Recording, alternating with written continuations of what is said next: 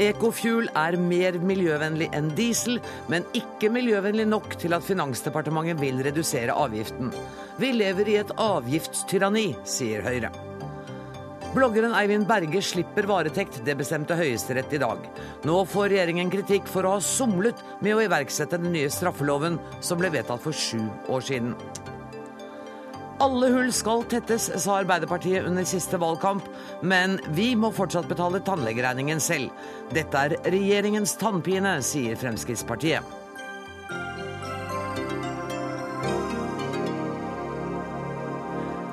Dette er noen av sakene i Dagsnytt 18 der vi også skal høre at Kina er i full krangel med nabolandene om retten til havområder. Eksperter frykter ny kald krig i Sør-Kina-havet. Men først, altså. Det finnes på markedet i dag et mer miljøvennlig alternativ til diesel. Men det kan komme til å forsvinne hvis Finansdepartementet får det som de vil.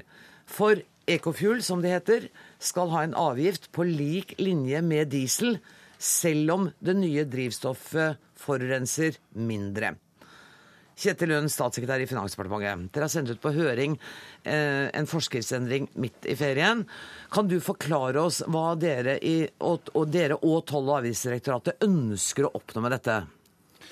Det som er eh, sendt på høring, Eh, er fra Toll- og avgiftsdirektoratet er eh, et forslag om å kategorisere drivstoff på en annen måte. Legge kokepunkt til grunn. Ulike oljer har ulike kokepunkt.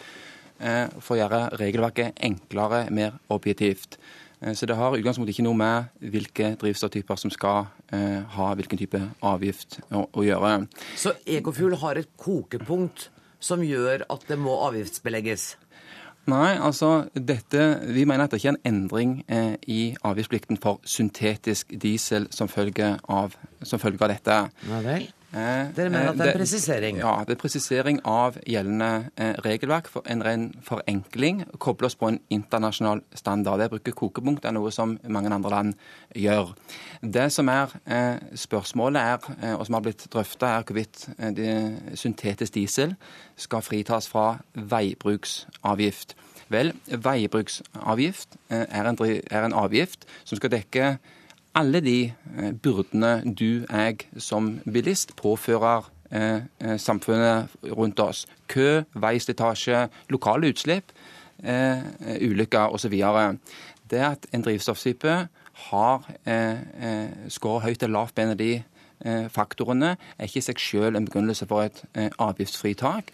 Eh, da ville vi fått et veldig uoversiktlig regelverk. Så vil jeg gjerne legge til at hvorvidt denne type drivstoff, syntetiske diesler, er miljøvennlig eller ikke, det tror jeg er et mer åpent spørsmål. Det er fossile drivstoff. Det har et mm. fossilt utgangspunkt. Det tror jeg folk bør ha klart for seg.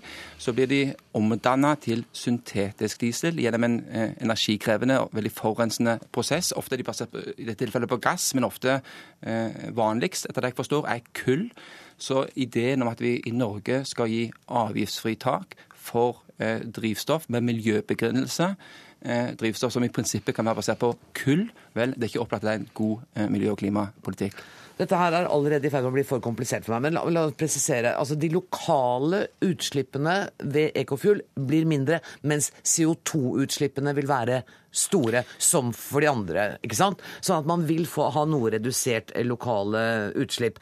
Eh, og dere har jo anka en dom hvor tingretten sier at dere ikke kan ilegge avgift på Ecofuel.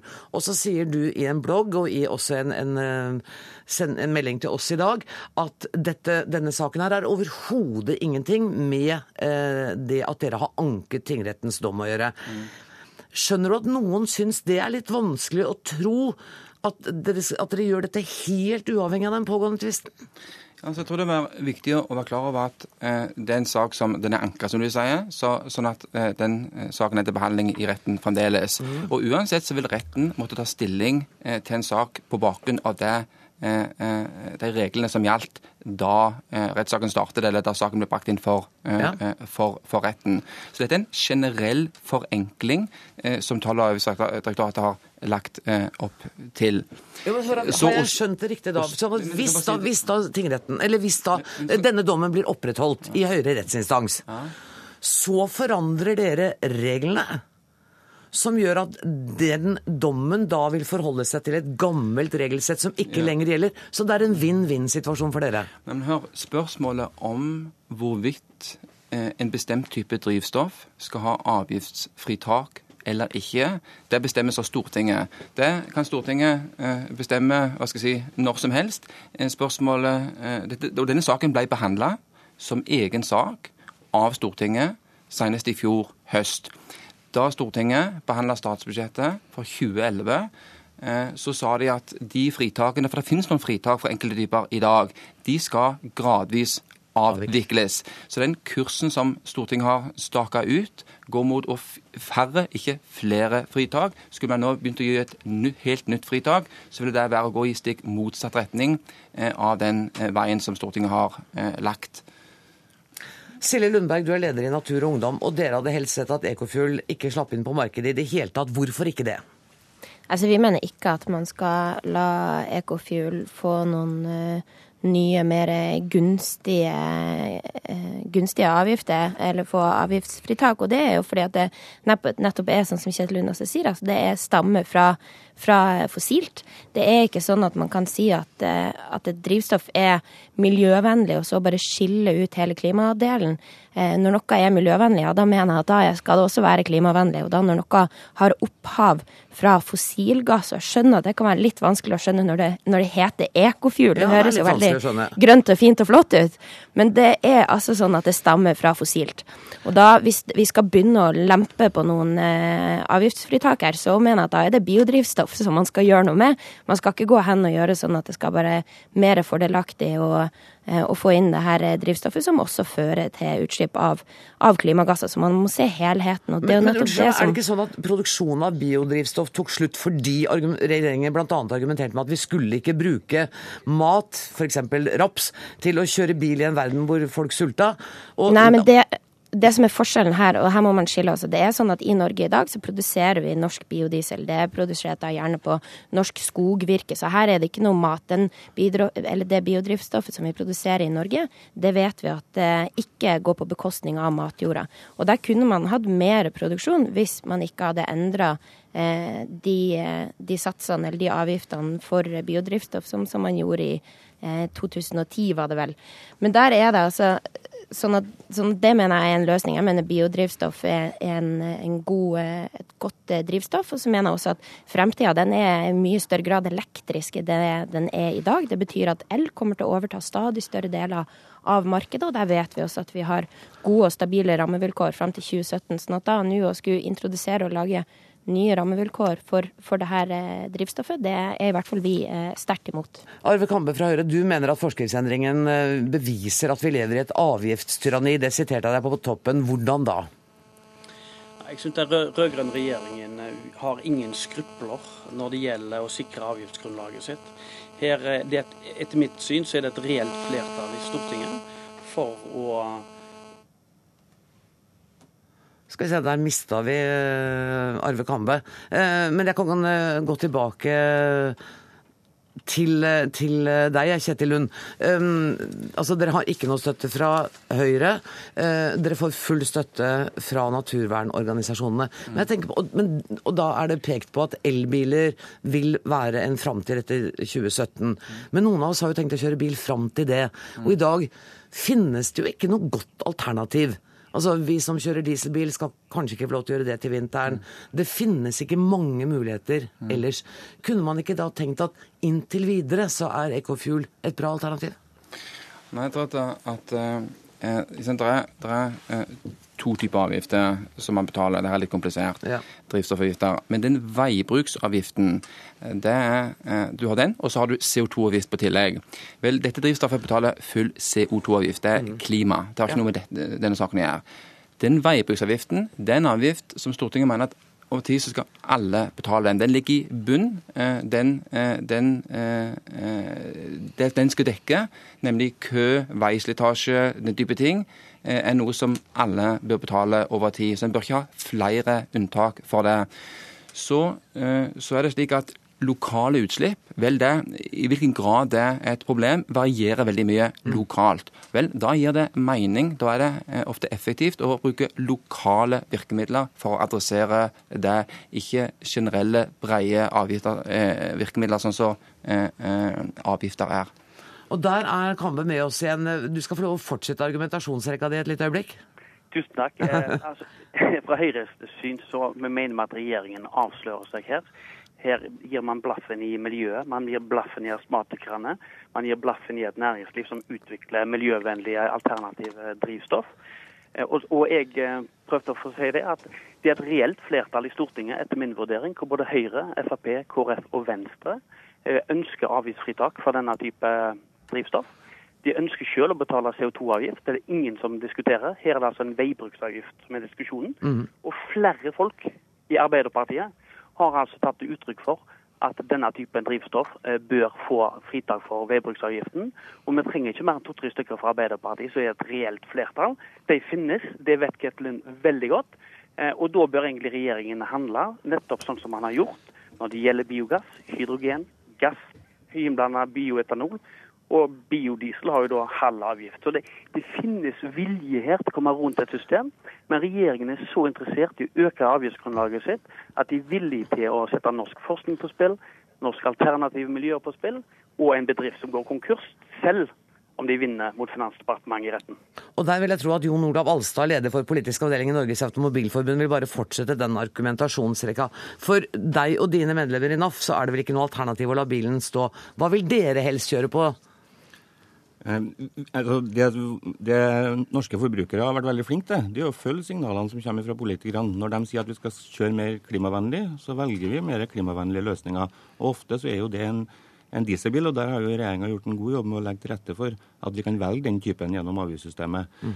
Så har Stortinget sagt, ikke et stortingsflertall, men et enstemmig storting har sagt at uh, naturgass skal være uh, fritatt for den uh, som Kjetil Lund Eh, snakka om. Det har de sagt i inneværende budsjettperiode, og de sa dem i forrige budsjettperiode. Og Det er jo det vi snakker om. Selv om man kaller det syntetisk diesel, så er det altså naturgass som er gjort flytende.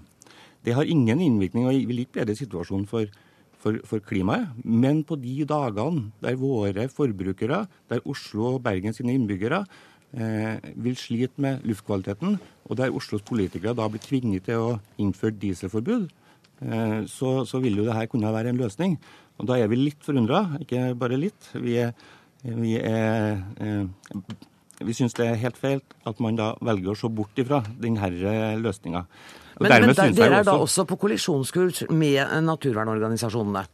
Nei, naturvernorganisasjonene ønsker seg et, eh, et, forbud imot eh, fossile drivstoff. Det, ja. som, eh, det som, det som Stortinget har sagt. Lundberg, ja, men Det sa Silje Lundberg nå. Ja, og Det Stortinget har sagt, er at fossil, altså naturgass, som er et fossilt drivstoff, skal være unntatt fra veibruksavgiften.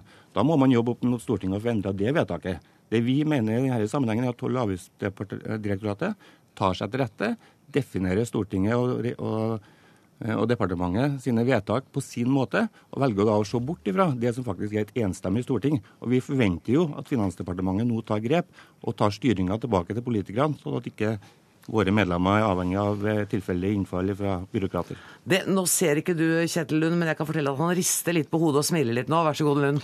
Nei, altså, jeg, jeg smiler ikke, men, men, men ikke jeg tror det, eh, det, er viktig å være klar over at det, den, denne saken ble behandlet av Stortinget senest i fjor høst. Det er punkt én. Punkt to er det er ingen som snakker om å forby dette drivstoffet. Det er Nei, det lovlig å sende, selge dette drivstoffet. Spørsmålet er om hvorvidt dette drivstoffet skal ha eh, fritak for en avgift som igjen skal dekke alle de byrdene du og jeg som bilist påfører eh, samfunnet når vi kjører, kø, kø, kø veislitasje osv. Og, og som Stortinget har sagt, at de fritakene eller unntakene vi har i dag, framover gradvis skal fases ut. Men per i dag så er det sagt ikke, det skal være det første man bør gjøre etter det. Men det jeg lurer på, Skal jeg kjøpe drivstoff til 18 kroner literen eller til 14? Hva vil jeg velge da?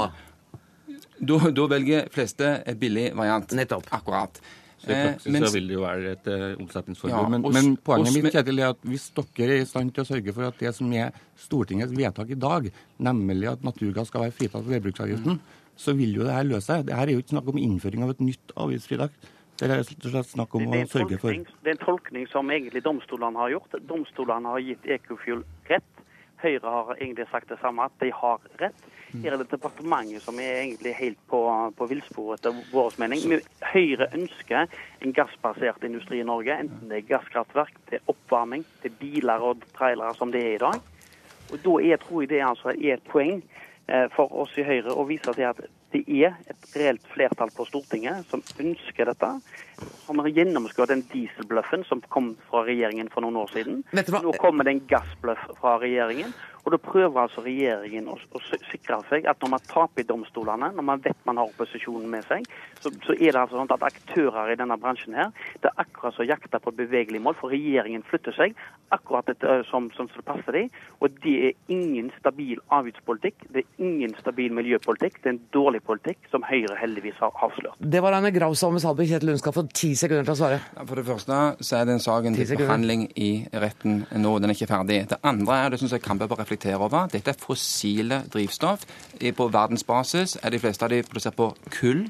En bør ha en litt prinsipiell tilnærming til dette. Det er ikke sikkert at det er en god, eh, god miljø- og klimapolitikk å drive med avgiftsfritak, nye fritak, når Stortinget har sagt at de fritakene vi har, skal avvikles. Tusen takk for at dere var med, Kjetil Lund, statssekretær i Finansdepartementet, Arve Kambe fra Høyre, Jon Olav Alstad fra NAF og Silje Lundberg fra eh, Natur og Ungdom. For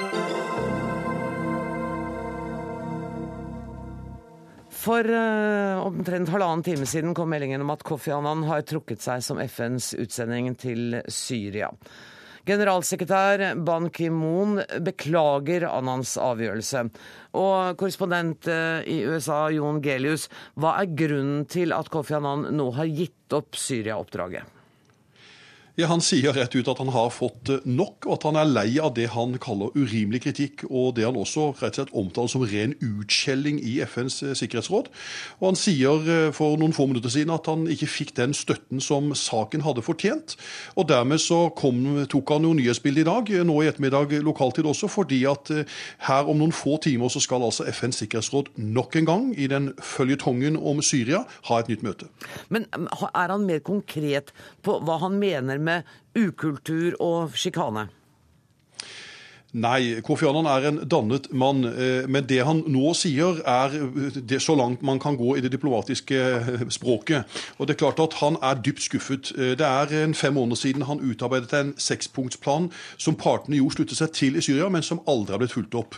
Og Det er jo, og var, en Urias-post å skulle prøve å lede FNs operasjon når du gang på gang opplever at FNs sikkerhetsråd, altså vaktbikkjeorganet til verdenssamfunnet, ikke klarer å enes om hvordan man skal håndtere det i forhold til de syriske makthaverne. Så må du huske på at Russland og Kina altså tre ganger har blokkert i FNs sikkerhetsråd for å legge et sterkere press på syriske makthavere. Og nå har han kommet til det punktet at han altså varsler at jeg gidder ikke mer, jeg trekker meg når mitt mandat løper ut i slutten av august. Tusen takk for at du var med i Dagsnytt 18, Jon Gelius.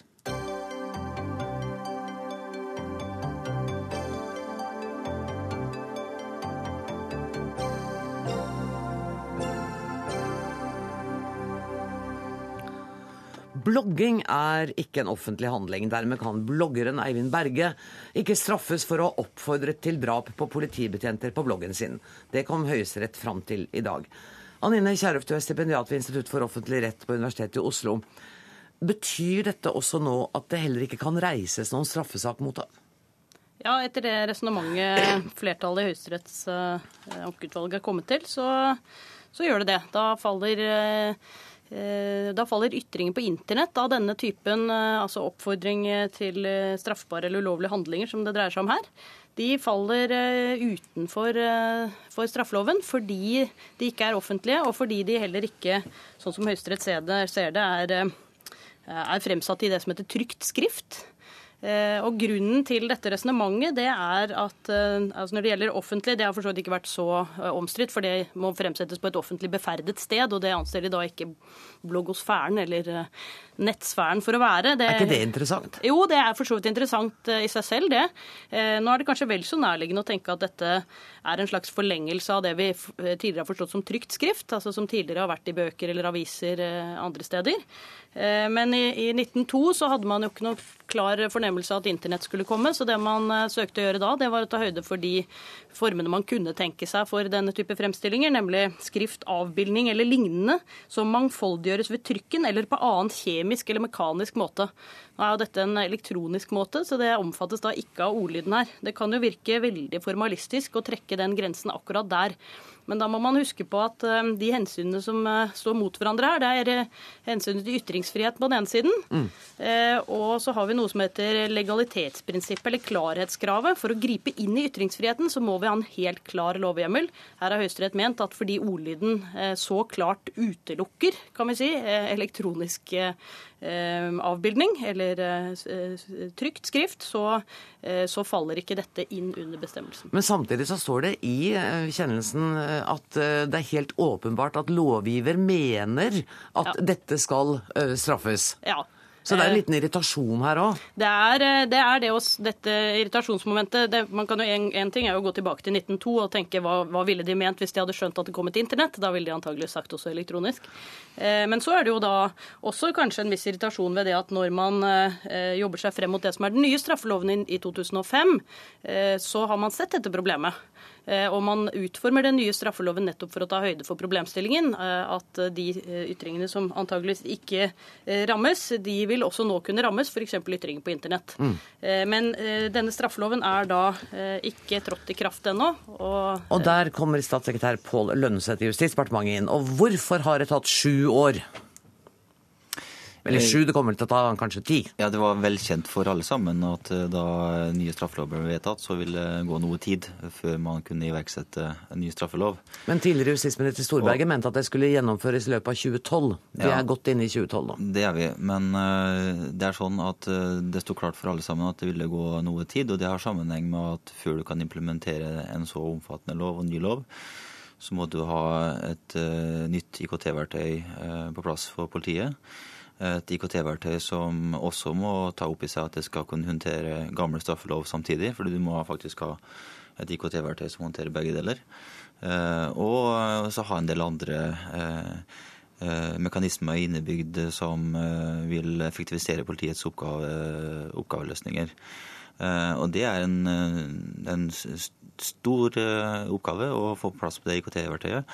Men det har tatt for lang tid. Men men det vil fortsatt gå noe tid, dessverre, før dette er helt på plass. Men, men det, Så det er politiets skyld. Burde dere kanskje tatt en prat med politidirektøren og fått sparka i gang litt større tempo her? Ja da, men det har jo også regjeringa gjort. Vi... Men hjelper det ikke, da? Jo da, det gjør det. Og Politidirektoratet er godt i gang med implementeringen av eh, å få på plass et nytt IKT-verktøy. Men dette er jo komplekse prosesser, og det er ikke noe som gjøres eh, over natten. Men, men, men kunne man ikke ha implementert denne bestemmelsen altså, hvor, For man trengte jo ikke å tatt hele loven.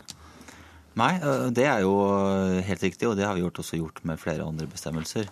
Det er flere bestemmelser i ny straffelov som er kopiert inn i gammel straffelov, og som er gjeldende.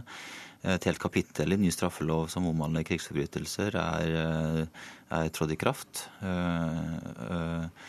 Og det er klart at det legger vi opp til å gjøre også nå. at vi, Det er ikke en holdbar rettstilstand, det som nå fastslås i Høyesterett. Vi kan ikke leve med at eh, det er straffritt å, å oppfordre til politidrap eh, fordi så, du gjør det over internett. Så nå vil dette her også bli kopiert? Denne paragrafen vil nå bli kopiert inn i det nye? Ja, vi kan ikke ha det sånn at det er straffritt å oppfordre til politidrap på internett eller på en blogg. Sånn kan vi ikke ha det. Men dere, så Grunnen til at det ikke har skjedd tidligere, er at dere rett og slett ikke kunne forutse denne problemstillingen? er det det? Vel, Forutse at det var en problemstilling kunne man kanskje ha gjort, det er jo, men Eh, det er jo åpenbart at det har vært eh, rettslig uenighet rundt om dette rammes av eh, gammel straffelov. Jeg minner om at påtalemyndigheten tok jo tiltale for dette. Nå har ikke jeg lest Høyesteretts avgjørelse, men jeg forstår at det er dissens der også. Ja, det er to mot én. Ja. Men, men, de ender altså med å si at lagmannsrettens lovtolkning er etter dette korrekt, og påtalemyndighetens anke må forkastes. Ja, men uansett... Uansett så har det altså vært uh, rettslig uenighet om det. Men det, det er, vil understreke at det, det, er ingen dramatikk i uh, at uh, ny straffelov ikke er implementert. helt siden vi fikk den gamle straffeloven i 1902, så har det vært gjort løpende lovendringer i den bestemmelsen for å gjøre den oppdatert i forhold til samfunnsutviklingen og hvordan den er. Eh, og det må selvfølgelig stadig gjøres, og det må også gjøres under en eh, ny eh, straffelov. Mm, dere har oversett dette ene punktet. Nå venter Kjærulf veldig på å få ordet her. Jeg skulle bare si at det er jo ikke Det, det er klart det er tvil, og her er det en dissensavgjørelse, så det er ikke på noen måte opplagt. Men, men at man har en viss foranledning til å tenke på dette, det fremgår jo allerede av forarbeidene til den nye straffeloven, som gjengis i kjennelsen, hvor de sier at film og fjernsyn faller ikke under definisjonen i paragraf 10, og sannsynligvis heller ikke meddeles på internett. Så dette er en problemstilling som er kjent, og den vil jo gjøre seg gjeldende alle steder hvor det er offentlig eller trygt skrift, som er eh, foranledningene for, eh, eller kriteriene for eh, at straffebudet kommer til anvendelse. Nå er jo dette ikke konsekvent gjennomført, fordi redaktøransvaret forutsetter jo at noe er i trygt skrift, men der er det tolket utvidende. Det er fordi da tar man sikte på en, en, hensiktsmessig ansvarsfordeling innenfor medienes organisering. Mens i dette tilfellet så er det tale om straff mot en enkeltperson, og da tar man loven i større grad på ordet enn det man har gjort i disse andre tilfellene. Men, men, ja, men har Høyesterett hatt en annen mulighet? Kunne de ha kommet til en annen konklusjon? Ja, det kunne de jo åpenbart, i og med at det er en 2-1-avgjørelse, dette. Eh, Resonnementet til mindretallet er jo at eh, dersom lovgiver i 2000, nei, 1902 hadde, på, hadde, visst om denne muligheten, så hadde de helt sikkert innlemmet det. Og det viser nettopp den oppramsingen som de har foretatt. Det er jo en måte å forstå dette på, men altså innenfor strafferetten så er man så opptatt av klarhetskravet, muligheten for borgeren til å forutberegne sin rettsstilling, og dette vil særlig gjelde når den hva skal vi si, truede verdi er en en eh, grunnleggende menneskerettighet, som ytringsfriheten er. Men dere, om, Når da denne paragrafen blir eh, implementert i den nye uh, straffeloven, denne kommer til å komme inn nå, så vil den allikevel ikke ha tilbakevirkende kraft? Sånn at de ytringene han har kommet med, vil allikevel ikke kunne straffes? Nei, det er riktig. Er det riktig? Det er riktig. Men uh, ytringer som han kommer med av denne karakter eventuelt uh, etter at bestemmelsen er på plass, vil jo da rammes av ny bestemmelse. Kjærulf? Ja, Det er jo viktig, akkurat dette. For vi har jo en rekke andre ytringer som er ganske omstridt på internett i disse tider. Det er jo nok å nevne denne rettssaken mot Breivik og, og hans eh, eh, inspirasjonskilde Fjordmann. Mm. Jeg håper dette var oppklarende. Tusen takk for at dere kom, eh, Pål Lønseth, statssekretær, og Anine Kierulf, stipendiat ved Institutt for offentlig rett ved Universitetet i Oslo.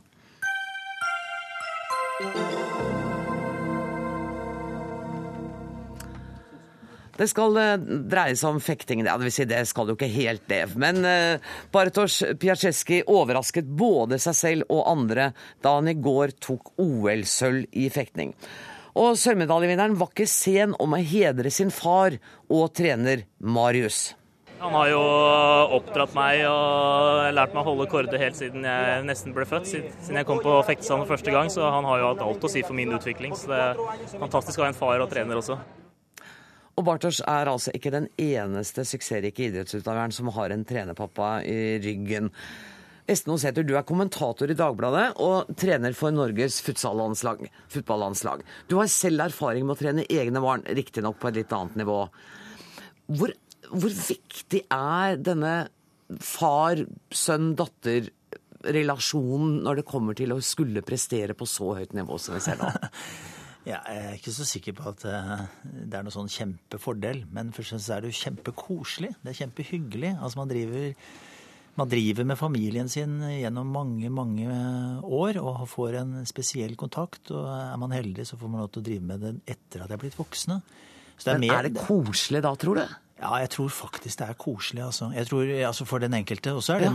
mange problemstillinger eh, rundt det. Inn i eh, f.eks. i eh, lagidretter, hvor, hvor, det kan bli langt fra koselig for de, for de som er utafor denne familien.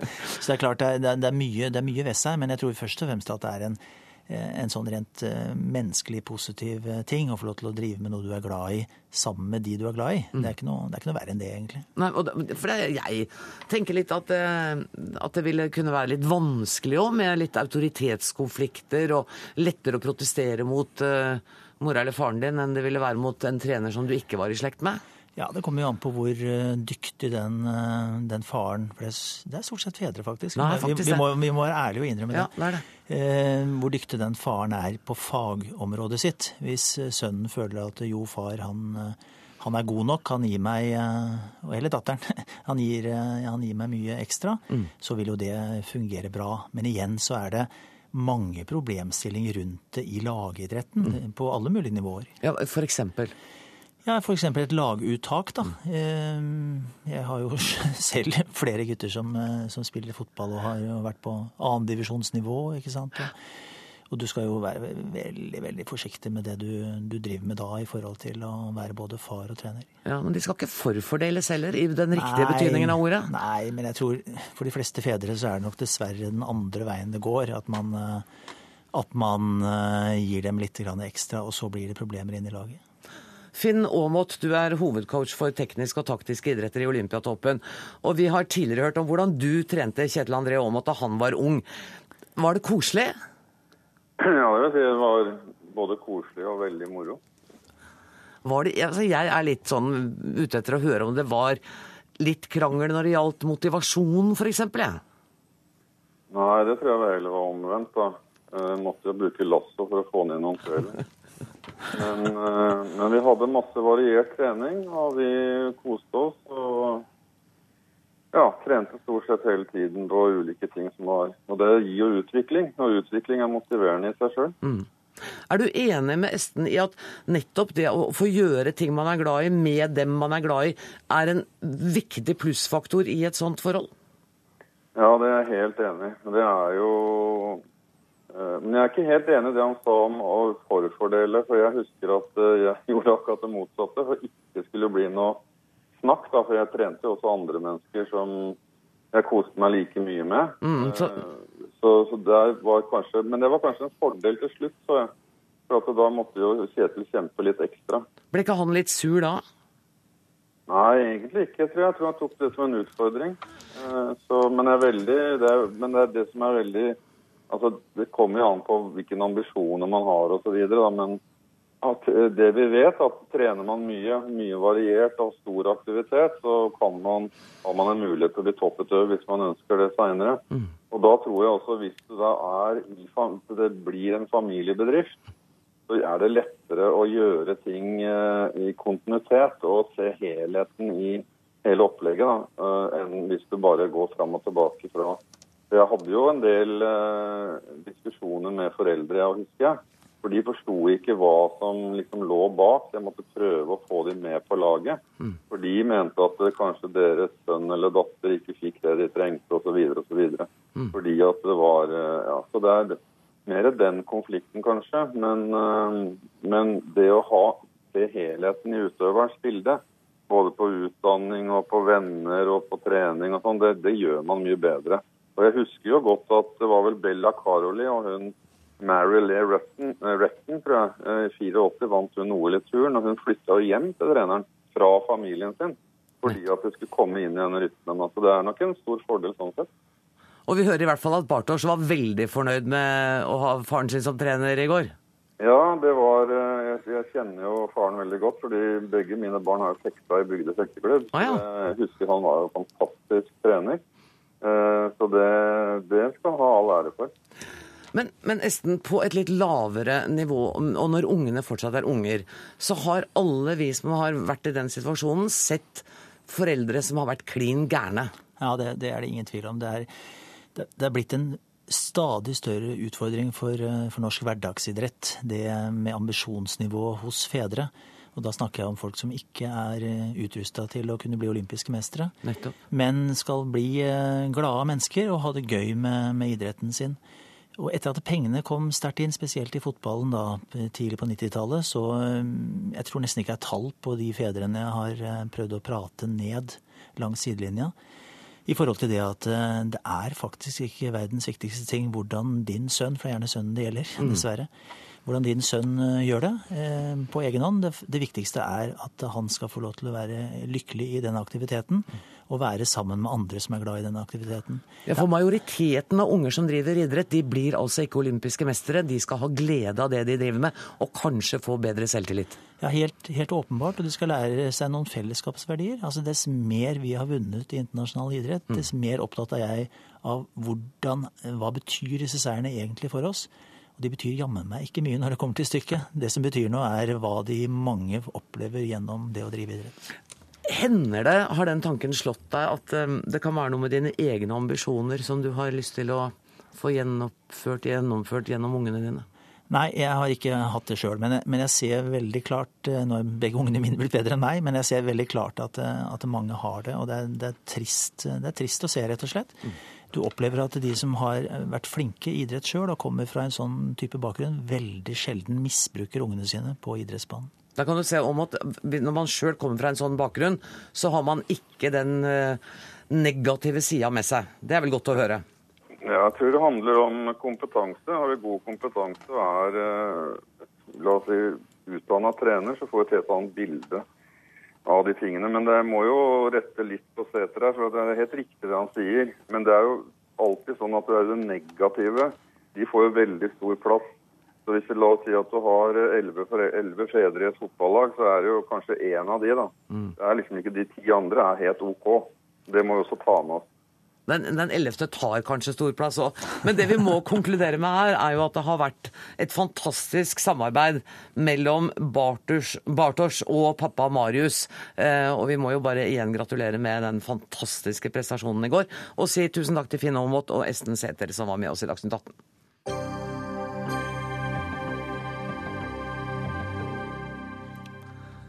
Fra sport til tannhelse.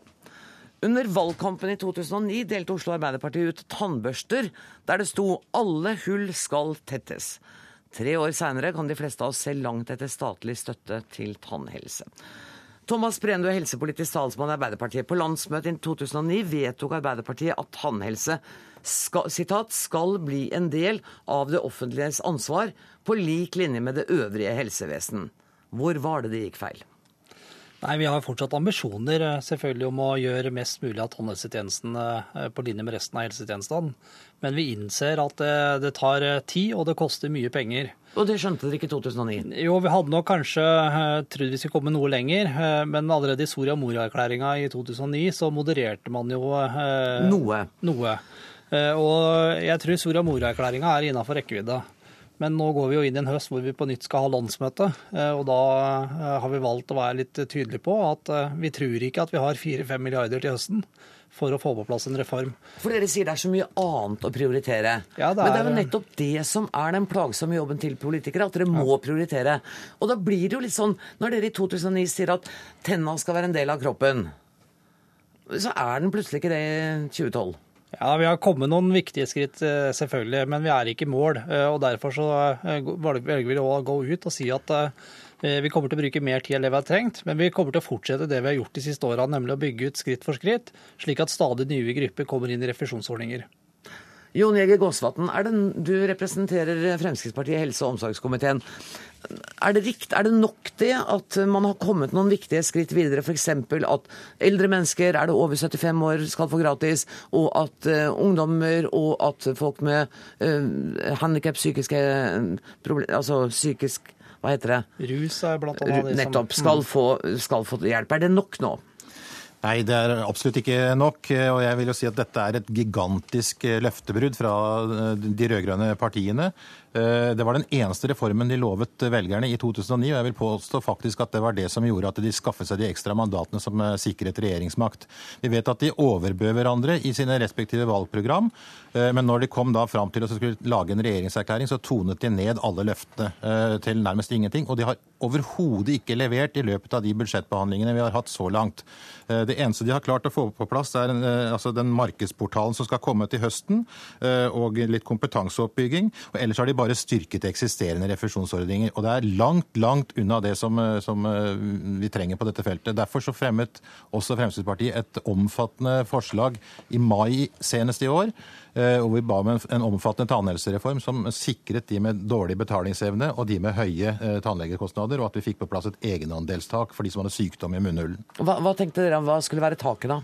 Eh, vi har ikke sagt noe eh, eksplisitt om kronebeløpet. For vi vet at dette, dette, krever utredninger. og Derfor så ba vi om eh, altså at Stortinget ba regjeringen gradvis innfase et egenandelstak for behandling i sykdom i munnhulen i perioden 2012 til 2016. Vi mener at når regjeringen har sittet og jobbet med dette siden 2007, det var da vi nemlig i Stortinget fikk denne meldingen om framtidens tannhelsetjenester, da burde det være mulig fire år etterpå å kunne få på plass et, et opplegg som kunne sikre et egenandelstak tiltak eh, som skulle gjennomføres i løpet av en fireårsperiode. Det er mulig at det er feil, men jeg får inntrykk av her at eh, Fremskrittspartiet her er på linje med SV. Geir Ketil Hansen, du er finanspolitisk talsmann for nettopp SV. Og dere vil ha et tak på 2500 kroner i egenandel. Ja, det, det er definitivt målet. Altså, det skal være på linje med eh, helsevesenet for øvrig. Og, og, vi mener nok, eh, og jeg har lyst til å understreke det, at det er en logisk brist i, og jeg, jeg kan ikke historien hvorfor det er blitt sånn, at tannhelse det skal liksom etter at du har fylt 20 år, det skal du betale sjøl. Mens når det gjelder øvrige helseplager, så skal, så skal du ha en, en, liten egenandel, og så skal staten sikre deg. Det, det, en, det er, bør ikke være sånn, og vi bør være helt klare og tydelige på, de rød-grønne ved neste korsvei ved neste valg, at dette skal vi gjennomføre. Men kan jeg få minne om at dere sitter i regjering allerede nå? Ja da, og, og jeg, jeg hadde nok håpa at vi hadde kommet lenger. Nå er det riktig som Thomas Breen sier, at i Soria Moria så står det ikke at dette skal gjennomføres fullt ut. Og vi har tatt en del konkrete steg på veien. Men tida bør være moden nå for at vi tar et klart grep i retning av å gjøre tannhelsetjenesten finansiert på samme måten som helsevesenet for øvrig. det er si, helt naturlig. Men nå sier Brenn at det handler altså om penger. Det handler om hva sa du, 4-5 milliarder kroner som dere sannsynligvis ikke har til høsten? Jo, jo vi har nok det. og jeg, Der er jeg nok uenig med Thomas Breen hvis han mener at, at det ikke er handlingsrom i neste stortingsperiode til å kunne finansiere en, en, en tannhelsereform sånn som vi har snakka om så lenge. Det burde vi definitivt ha innenfor rekkevidde. Det offentlige altså statsbudsjettet på helse er på 130 milliarder kroner. Og det er klart at hvis viljen er der, så klarer vi det. Ja, dere, er altså litt på linje med, dere er altså litt på linje med Frp her. Thomas Breen sitter helt alene og skal forsvare det som nå skjer. Ja, Opptaken eh, til debatten som vi nå har, var et konkret spørsmål om, eh, om vi trodde at vi klarte å innfri løftet fra, nei, fra landsmøtet i 2009 i løpet av neste budsjett. Og da er mitt svar at det tror jeg blir veldig vanskelig, fordi det snakkes om 4-5 milliarder. Men i likhet med Geir Ketil Hansen så er jeg jo enig at vi skal fortsette å bygge ut ordninga, slik at stadig nye grupper får ta del i en refusjonsordning. Eh, og Det sørger i hvert fall at eh, man har en viss sosial profil på den satsinga man har, og det har vi hatt. Vi har i dag nå seks refusjonsgrupper. Alle de seks gruppene er da eh, beregna på personer som har utfordringer med å betale tannhelsen sjøl. Mm. Så skal vi utvide det ytterligere. Men eh, det å innfri full tannhelsereform i løpet av neste budsjett, det tror jeg blir svært vanskelig. Men vi skal jobbe videre med å utvide ordningene. Men du, to poenger. Når, når, dere går ut og lover det i 2009, så må jo vi som velgere tro at da har dere tenkt å gjennomføre det i den kommende stortingsperioden. Det kommer dere altså ikke til å klare.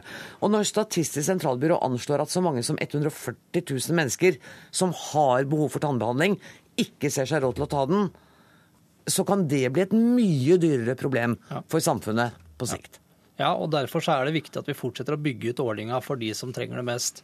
Og Det handler både om eh, økonomiske eh, intensiver, men det handler også om eh, å bygge ned f.eks. Så viser den siste store undersøkelsen på feltet da, at 11% av de som ikke går til tannlege, gjør det fordi de har tannlegeskrekk. Mm. Sånn Alt handler ikke om kroner og øre, noe handler om informasjon. Men vi må fortsette å bygge skritt for skritt. Men jeg vil være ærlig og si at jeg tror ikke at vi klarer å få på plass dette i budsjettet i 2013. Og det var det som var opptakten til debatten. Men hva, hva ser du for deg? Hvor langt perspektiv har du? Nei, Jeg tror vi må eh, tenke eh, annerledes enn bare på utgiftssida eh, på statsbudsjettet. Det kan være at man skal se på en egenandelsutjevningssystem. Det kan være at man skal definere hva er nødvendig tannhelsehjelp og ikke. F.eks. så bruker vi ganske mye penger i dag på f.eks. reguleringer, eh, hvor du relativt små gliper i framtiden eh, gir deg refusjon på tannregulering. Eh, en del sånne elementer tror jeg er viktig å diskutere først, for da ser man hvor mye koster faktisk en sånn reform. Gåsvatn, er du fornøyd med at man begynner å nærme seg dere i tenkningen av en egenandelsvurdering, i hvert fall? Jeg er totalt misfornøyd med regjeringens satsing på tannhelsefeltet. For de, de følger, ikke følger de opp valgløftene, ikke følger de opp Soria Moria-erklæringen. I Soria Moria II-erklæring så står det at de skal følge opp stortingsmelding 35 som het Framtidas tannhelsetjenester. Og Der står det klart at det er tre satsingsområder, og det er å gi bedre rettigheter for dem som trenger det mest. Det, og det skal skjerming av utgifter for dem som trenger det mest, og bedre tilgjengeligheten. Ingen av de tre punktene har denne regjeringen klart å følge opp i perioden fra 2009. Og de seks gruppene som Thomas Breen Steen nevner, ja, de eksisterte faktisk allerede når jeg var fylkespolitiker tilbake på 80-tallet, så det er ikke noe nytt. Vi er nødt til å sette strek der, og jeg tror bare vi må konkludere med at de aller fleste av oss foreløpig må betale våre, tannlegeregningene våre sjøl. Tusen takk til Thomas Breen, helsepolitisk talsmann i Arbeiderpartiet, Geir Ketil Hansen, finanspolitisk talsmann for SV, og øh, Jon Jæger Gåsvatn, helse- og omsorgskomiteen Fremskrittspartiet. Hør Dagsnytt 18 når du vil, på nettradio eller som podkast. nrk.no – dagsnytt 18.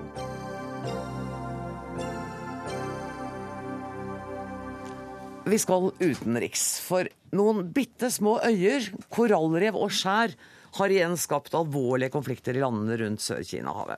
Kina gjør nemlig krav på nesten 80% av havområdene, og har igjen erta på seg Filippinene, Vietnam og Malaysia. Inger Bensrud, disse opplysningene har jeg fra din artikkel om eh, dette. Du er leder for kommentaravdelingen i Dagbladet, og du kjenner Kina svært godt. Hva er det Kina vil oppnå med å opptre såpass aggressivt nå igjen? Det er jo fordi at disse øyene, det er ikke avklart hvem som eier de. Og det er store ressurser i havet rundt disse øyene. Det er eh, fiskeressurser som det er snakk om, og det er etter hvert også olje og gass som man vet finnes der. Og da gjelder det å posisjonere seg og ordne seg sånn at man får suverenitet over områdene, og dermed også rettigheter på det som er i havet. Og Det som har skjedd i det siste, det har vært en del sånn konfrontasjoner, spesielt mellom Filippinene og Kina i løpet av sommeren. Eh, det Kina har gjort nå de siste dagene, det er å etablere en helt ny by på en av disse øyene. Og ta seg til rette og si at dette er kinesisk, og dette er administrasjonsområdet for hele området. Altså Kina Etablere bare, Sånn driver Kina med de, etablerer så, byer. Det er liksom den sterkestes rett de driver med i dette forholdet, syns jeg. Er det en stor by? Vet du noe om denne byen? Nei, det er en eh, Det har vært snakk om at det kan bo ca. 1000 mennesker. Det er hovedsakelig fiskere og kanskje noe militærpersonell, kanskje noe forskningspersonell der. Men det er jo et sted hvor de ikke engang har ferskvann. De må dra 13 timer båtreise unna for å hente vann, f.eks. Det er en ren maktdemonstrasjon, da? Det er det. Altså, det er, eh, det er å tilrive seg noe som egentlig burde vært forhandlet frem. Mm mellom flere parter. Jo Inge Bekkevold, du eh, representerer Institutt for forsvarsstudier. Og jeg tenker at Denne konflikten er jo ikke ny. Da jeg var i Kina på 90-tallet, så var det den samme krangelen om Spratly Islands. Hva er det som er annerledes? Du har helt rett i at dette er ikke noe, noe, nytt. Kina har hatt en uenighet med særlig med Vietnam og andre land eh, helt siden 90-tallet, enda lenger tilbake enn det også, faktisk. Men det nye nå er at Kina fremstår som en, en supermakt i emning. Det er det, det, nye. Sånn at konsekvensen av det, den politikken eh, Kina fører, har andre konsekvenser, større globale konsekvenser i dag enn hva det hadde tidligere. Eh, så konflikten er, er, forskjellige nivåer på den. Det er en bilateral uenighet mellom Kina og, og fire land i, i regionen. Vietnam, eh, Brunei, Malaysia og Filippinene. Og så er det her også selvsagt viktig for ASEAN, Sørøst-Asia som region. Og så er det en dimensjon her i forhold til eh, USA. USA har sagt at de, de tar ikke part i de eh, uenighetene om, om territorielle, territorielle, uenighetene, men det USA er opptatt av, er fri ferdsel på det, på det åpne hav. Mm. Og Her har det også da for så vidt vært en utvikling fra kinesisk side at innenfor eh, tolv nautiske mil f.eks. så eh, har land suverenitet. Mm. Eh, der er det ikke mulig f.eks. Med, med militære, eller gjennomfart av militære skip uten å søke om tillatelse på forhånd. Det da USA eh, har kritisert Kina for de siste par-tre årene, er at Kina forsøker også å hevde en viss grad av suverenitet innenfor den økonomiske sonen på, på, 200 nautiske mil. Eh, så du har også den dimensjonen som da Og den forholder USA seg til. Men, men hva er det viktigste for Kina? Er det mulige fremtidige naturressurser, eller er det det strategiske, Venstre? Jeg vil tro det er naturressursene de slåss okay. om å få eh, spesielt olje- og gassreservene som, i dette, som sannsynligvis finnes i dette området. Men det vet vi ikke? Eh, jo, det er jo gjort eh, lete, letegreier. Altså, I fjor så hadde bl.a. vietnameserne oljeleting utenfor noen av disse øyene. og Da kom kinesiske skip og kuttet de seismiske kablene. Så, og amerikanerne har gjort beregninger på at det finnes ganske betydelige mengder med olje i disse områdene. Så det er vel det man skal ha herredømme over. Det er vel kanskje mer det enn den, akkurat den strategiske viktigheten til disse øyene, vil jeg tro. Og ASEAN har jo ikke klart å gjøre noe med dette. Kina vil helst forhandle bilateralt med de landene det gjelder, og ikke gå gjennom ASEAN. Ser vi noen løsning på dette her, Bekkevold? Eh, ASEAN og Kina inngikk i 2002 en intensjonsavtale om hvordan man skulle forholde seg til uenigheten i Sør-Kina-havet. Eh, og man greide faktisk i 2011 å bli enige om litt mer konkret retningslinjer for det. Så det var for så vidt en positiv, positiv utvikling. Eh, Vietnam, Filippinene og Kina prøvde i 2008 å ha en felles utvikling, et felles prosjekt på utvikling eller leting etter, etter ressurser. Eh, man greide ikke å fullføre det, det prosjektet. Eh, så det er jo eh, det er en, en mer tilspisset situasjon eh, igjen nå i, i, vår og sommer enn det det har, har vært de siste, siste, par årene. Er det fare for en væpnet konflikt i dette området? Nei, det vil jeg ikke si der. Men, men det, det, som kan skje, er mindre sammenstøt. Fordi F.eks. på kinesisk side så er det, det er veldig mange institusjoner. Det er frag, et fragmentert byråkrati på kinesisk side i forhold til å hevde interesser i, i, i Sør-Kina-havet. Og det er ikke godt nok utviklet eh, mekanismer for krisehåndtering mellom, mellom landene, og heller ikke mellom Kina og USA. Så det kan bidra til, til mindre, mindre sammenstøt, men jeg ser ikke for meg noen større væpnet uh, konflikt. Er det? Mm, det er litt krigsretorikk ute og går her også. Eh, avisen Global Times skrev nylig, og det er jo en avis som eies av Folkets Dagblad, som er eh, liksom organet for kommunistpartiet, at Kina må forberede seg på småkriger med Filippinene om dette området.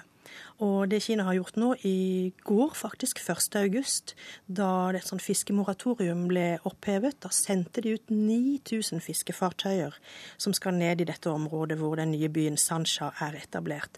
Og det er klart at eh, de andre landene kommer til å sende ut sine kystvaktskip, og det kan komme trefninger, og i det hele tatt så Jeg tror at uh, diplomatiet har litt magre vilkår i denne konflikten akkurat nå. Altså, mm. Nå er det sabelrasling ute og Kina mangler i hvert fall ikke selvtillit i dette spørsmålet? Eh, Kinas selvtillit eh, øker jo selvsagt i forhold til landets økonomiske vekst og økte innflytelse internasjonalt. Men eh, jeg kan vanskelig se for meg at Kina ser seg tjent med å, å gå inn i en, en, en, større konflikt eh, knyttet til det. De er, de er avhengig av, eh, av, et godt samarbeid med, med, sine naboland, økonomisk integrasjon, stabile forhold for sitt eget lands utvikling, og så er det hele tiden forholdet til, eh, til USA.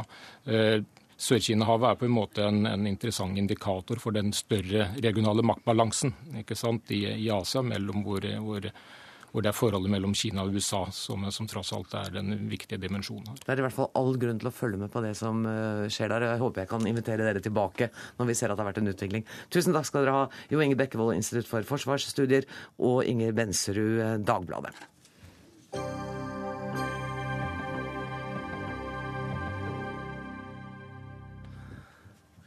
Og nå til debatten om debatten, eller mer spesifikt til klimaet i nettavisenes kommentarfelt.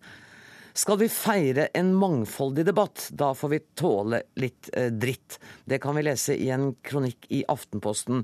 Og det er du som skriver det, Joakim Laberg. Du er lektor og medieviter. Hva, jeg skal bare få gjesten min i studio her til å ta på seg hodetelefonene. Um, hva mener du med at hvis vi skal feire en mangfoldig debatt, så må vi tåle litt dritt? Uh, med det så mener jeg at uh, hvis en skal feire mangfold i, i, form av at flere ulike stemmer slipper til, så må en også godta at flere skrivemåter og argumentasjonsteknikker slipper til. Um, og da er det vanskelig å ha en veldig høy standard, eller kanskje rettere sagt slett en bestemt type standard. Mm. Du sier også at det ofte handler om at de som skriver i kommentarfeltene, mangler tekniske ferdigheter og formuleringsevne.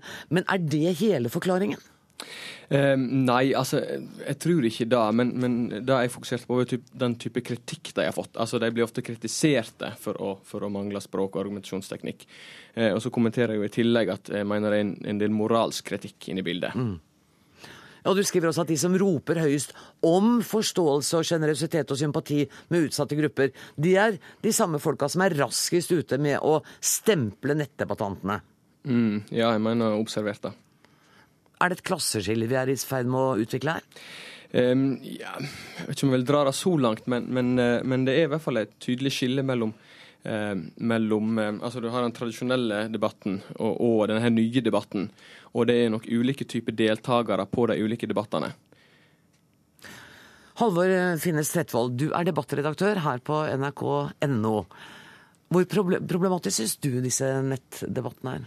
Eh, jeg syns at eh, det er en reell problemstilling som har flere sider. Og Laberg tar opp én viktig side ved det. At det finnes en litt unyansert, litt for generell kritikk mot hele mediefenomenet hos en del representanter for de etablerte mediekanalene, altså papiravisene her i Dagsnytt 18, TV-kanalenes debattstudier osv. Men så syns jeg at det også har en annen, eh, et annet aspekt ved seg. Altså det er en gjensidig mistillit, en gjensidig mistenksomhet mellom disse kultursensitive, som Laberg kaller de, og sinnatagene, som han kaller de, på den andre siden. Og eh, i kronikken til Laberg så får vi på en måte bare halve historien. Vi får bare en kritikk av eh, de som kritiserer nettdebatten. Eh, jeg tror vi også må være oppmerksom på at det forekommer eh, en form for forakt eller mistillit den andre veien. Og det er noen sinnataker som dominerer så mye i noen kommentartråder at de som vi faktisk vil ha, en stor mengde av folk som ikke er i Dagsnytt 18-studiet, som ikke er i papiravisdebattene, også blir skremt bort. Og de glimrer med sitt fravær i kronikken til Lamberg, dessverre. Ser du det, Lamberg? Um, ja, jeg ser poenget, men, men samtidig så har det han etterlyser, vært såpass uh, framme så mange ganger. Det mangler ikke på, på eksempel på kritikk av, av uh, ekstreme ytringer og andre typer kommentarer. Um, jeg, et, uh, altså Grunnen til at jeg skrev dette, var at jeg mener det, det det andre som mangler. Altså at En har ikke nok fokus på en kritikk av, av kritikken. Mm. Um, og, og, det er viktig å ta på at jeg tror deltakerne eh, savner en følelse av å bli tatt på alvor i debatten av på en måte, det som gjerne blir kalt for, for eh, kultureliten. da. Um, og, og, at det, det er det de på en måte etterlyser. og jeg tror at en, en, løsning på å få til en god debatt er på en måte å ta alle deltakerne på alvor, uavhengig av, av klassetilhørighet. Men, men, kan det også være noe her i at det å skrive i kommentarfeltene oppleves som litt mindre alvorlig enn å skrive i avisene. For jeg, vi har prøvd å eh, få kontakt med folk som har skrevet i kommentarfeltene, og da trekker de seg litt og sier nei, jeg bare skrev det i all hast, og det var ikke, det var ikke så alvorlig ment. Er det noe med at det feltet oppleves som litt privat? Det tror jeg, ja. Eh, og det har jeg òg kommentert i den kritikken. At, at, det virker sånn på måten de skriver på, og nettopp det du nevner med at når journalisten ringer, så er de på en måte ikke så interessert. Det var ikke akkurat sånn de mente det. Ehm, så det er nok en, formuleringsmåte som på en måte har utvikla seg, som kjennetegner måten å snakke, snakke, om folk og til folk på nettet, som en ikke finner andre plasser. Og Da tror jeg handler litt om, om manglende refleksjon rundt at dette her faktisk kan lese. Dette er en del av den offentlige samtalen. Mm. Tretvold, er er vi for elitistiske i vår holdning til debatter? Ehm, jeg ser et enormt potensial i hvert fall i nettdebatten som en arena for å utvide demokratiet, for å få et større mangfold. Det er en lavere terskel, litt høyere takt osv. Ehm, men jeg syns samtidig eh, at vi må ha en ambisjon om at det er, en, det er helt riktig at det er en, et stort sprik mellom idealene våre for hva en offentlig samtale skal være i demokratiet, sånn det har blitt forstått tradisjonelt, og det er mye av det som foregår i kommentarfeltene. Eh, det som jeg oppfatter er Labergs poeng i kronikken, er at idealene, standardene, er feil. De mm. kan ikke appliseres på nettdebatt som fenomen. Jeg tror at avstanden er riktig, er eh, et reelt problem. Men min målsetning med det som vi skal gjøre i NRK, er å få avstanden mindre. Bygge bro. Bygge bro. Vi må selvfølgelig kanskje justere noen av disse idealene en, en smule, men, men, det avgjørende er å få med seg og bruke noen kloke grep, og ikke minst bruke nok ressurser på det i redaksjonene til å kunne moderere på en god måte, med respekt, som Laberg er inne på, og uh, forhåpentligvis da klare å gjøre den avstanden litt mindre. Da ser det ut som vi ender denne dagsnytt sendinga på en litt uh, vennskapelig og gjensidig forståelsesfull linje, gjør vi ikke det, Laberg? Jo da, vi er vel stort sett enige. Ja, men så bra. Eh, da sier jeg tusen takk til Joakim Lavberg og til eh, Halvor Finnes Trettvold, som er altså redaktør for debattsidene på nrk.no. Ansvarlig for denne utgaven av Dagsnytt 18 har vært Jonas Haagensen. Det tekniske ansvaret tar Frode Thorshaug på sine skuldre. Jeg heter Anne Grosvold. Vi høres igjen i morgen til samme tid. Takk for nå.